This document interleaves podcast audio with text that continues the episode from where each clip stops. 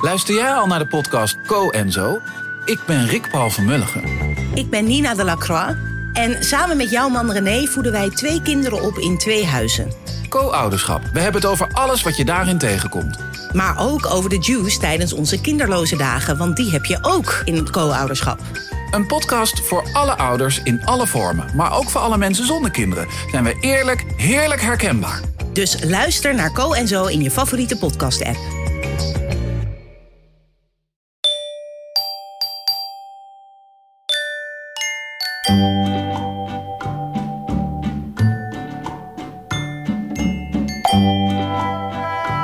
Welkom bij aflevering 395 van Echt Gebeurd.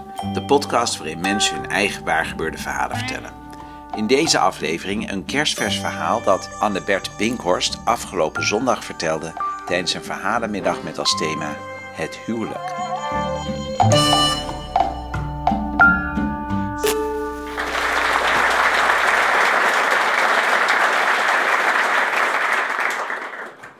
Ik was eh 22 en ik was voor het eerst verliefd op een meisje.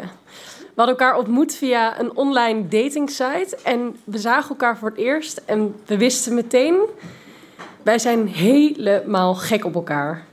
Eh, dat kwam door verschillende dingen. We we hadden echt superveel vreemde dingen met elkaar gemeen. Eén waren we echt extreem obsessief met de kleur geel en dan ook nog in dezelfde tint. En twee, ehm, we waren allebei heel creatief. Ze had de filmacademie gedaan en ik had 22 keer auditie gedaan bij de toneelschool. Dus het was ook eh, heel erg hetzelfde. En, ehm, en we waren allebei, eh, we hielden we van dezelfde stad en dat was de stad Berlijn. Dus na drie weken hadden we meteen een relatie en heel kort daarna besloten we om samen naar Berlijn te gaan. Voor ik dit verhaal doorvertel, eh, moet ik jullie twee dingen over mezelf vertellen. Eén, ik maakte dingen soms mooier dan dat ze zijn. En twee, ehm, ik was echt extreem onder de indruk van haar. haar. Haar haar had dezelfde kleur als chocola. En ik vond haar ogen heel erg glinsteren. En ik, nou, ik was ontzettend onder de indruk van haar, mocht dat nog niet duidelijk zijn.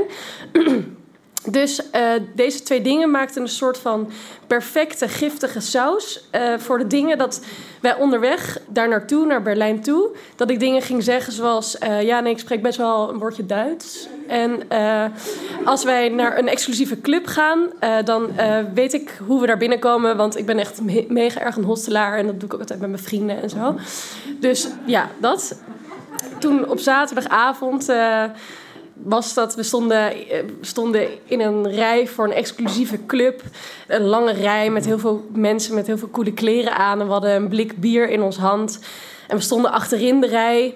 Die rij die slonk. En eh, op een gegeven moment stonden we oog in oog met die uitsmijter.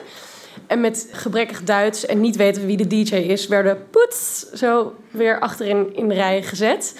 Maar we hielden moed. Eh, we stonden daar en nou, even kijken op de site eh, van wie, wie speelt er dan vanavond. En wij weer in die rij. Rij slinkt weer. We staan weer oog in oog met die uitsmijter. En eh, weer eh, nee. Dus we worden er weer uitgezet. En dit gaat echt nog twee keer zo door. En op een gegeven moment staan we weer achter in de rij. En zegt zij tegen mij... ehm, maar schatje, ik, jij ging het toch regelen vanavond? Waarop mijn brein explodeerde zo'n beetje van eh, ja, druk.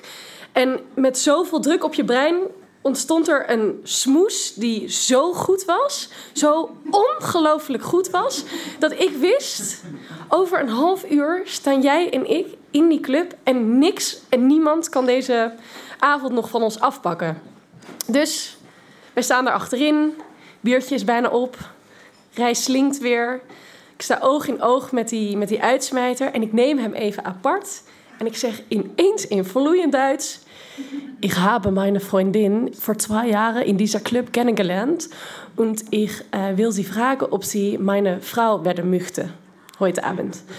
Waarop die man een stap achteruit doet en zo'n gebaar doet van welkom. Dus ik sleur haar mee naar binnen en eh, wij staan daar en eh, nou, we gaan een biertje halen. En ik ben echt helemaal, helemaal aan het juichen en mega enthousiast. En zij, terwijl we het biertje halen, zegt zij nog van...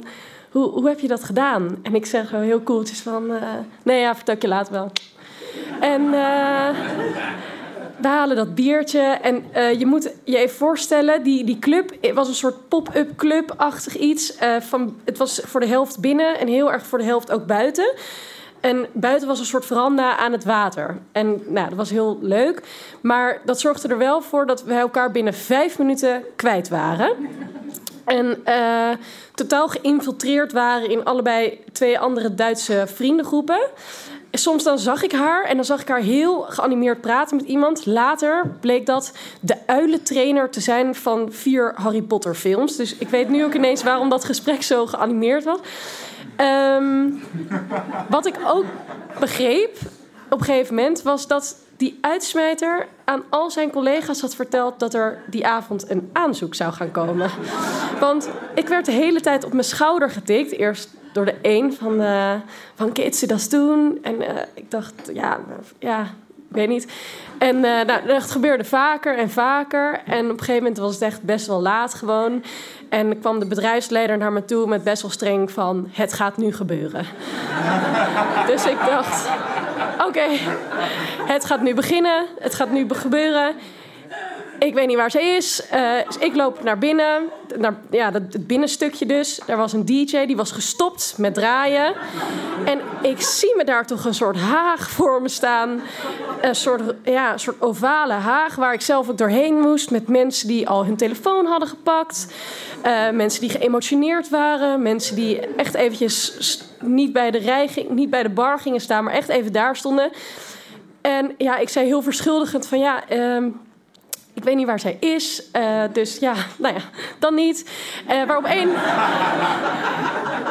waarop één iemand zei... Nee, ik, ik, ik weet wie jouw vriendin is. Uh, ik zag haar net bij de wc. Ik ga haar even halen. dus ik zo, oké. En ik sta daar dus in mijn eentje... Mijn hart klopt. Ik heb haar ook nog niet verteld wat dan gaat gebeuren. Dus ja, zij wordt gehaald. En ik zie haar echt met grote ogen. Ik kende haar echt vijf weken. ik zie haar met grote ogen zo. Zij wordt door die haag heen getrokken. En ik sta daar echt. En ik heb.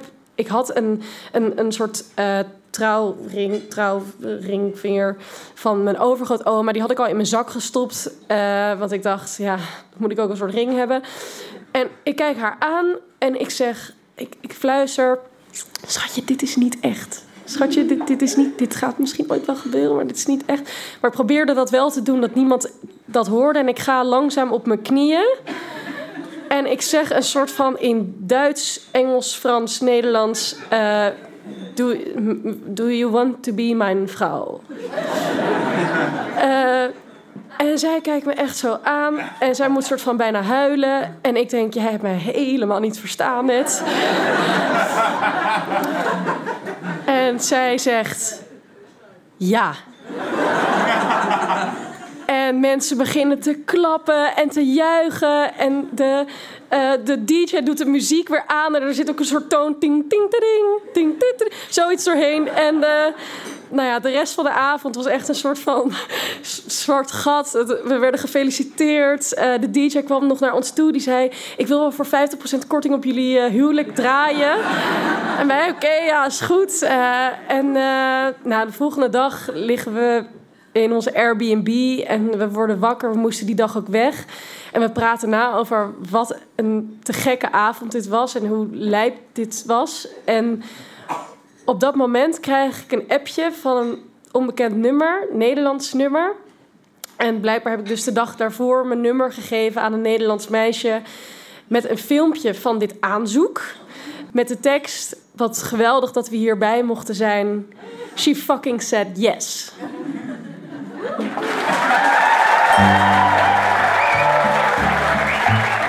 Dat was een verhaal van Annebert Binkhorst. Annebert is pas afgestudeerd als pedagoog en maakt nu korte documentaires over pedagogische onderwerpen.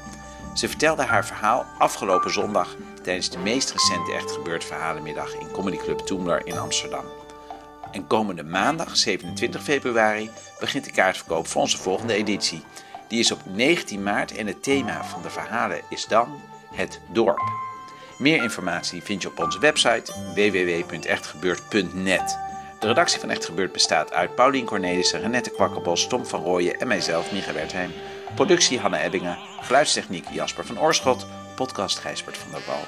Dit was aflevering 395. Tot volgende week. En aarzel niet om zo nu en dan wat mooi is nog mooier te maken door er een beetje van die giftige saus aan toe te voegen.